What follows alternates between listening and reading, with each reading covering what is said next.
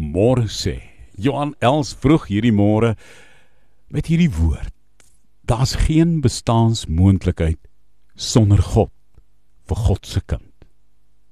As God sê jy's myne, dan kom sê hy vir my ek is lewensnoodsaaklik vir my, vir jou.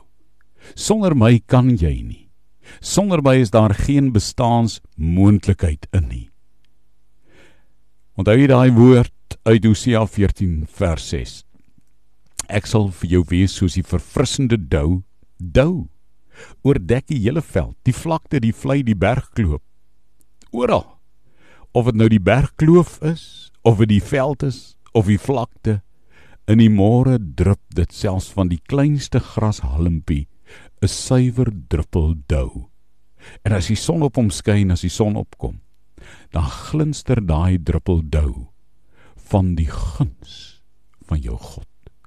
Is eintlik 'n mooi alliterasie in Afrikaans. Dan glinster daardie druppel dou in die goue lig van God se môre stond 'n nuwe skynsel wat blinkend in jou kan skyn. Want alles om dit nou digterlik te sê, lê gebaai in die koel vogtigheid van die lig. Die reuse bome in die woud, in die geringste klein grashalmpie van die veld, deel almal in God se dou. En so is God se werking.